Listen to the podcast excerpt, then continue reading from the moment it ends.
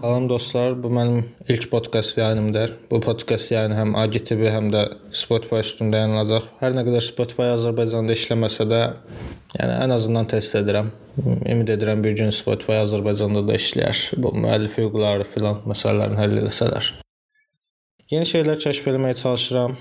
E, yeni hədəfim həftəlik texnologiya e, məqalələri hazırlayıb bunu həm saytımda e, yayımlamaq, həm də ümumiləşdirib bu tip 4 dəqiqəlik, 5 dəqiqəlik podkast yayını hazırlamaqdır. Bu podkastı o qədər uzun tutmayacağam. Tamamilə test üçün rekord edirəm. E, bura qədər dinlədiyiniz üçün təşəkkür edirəm.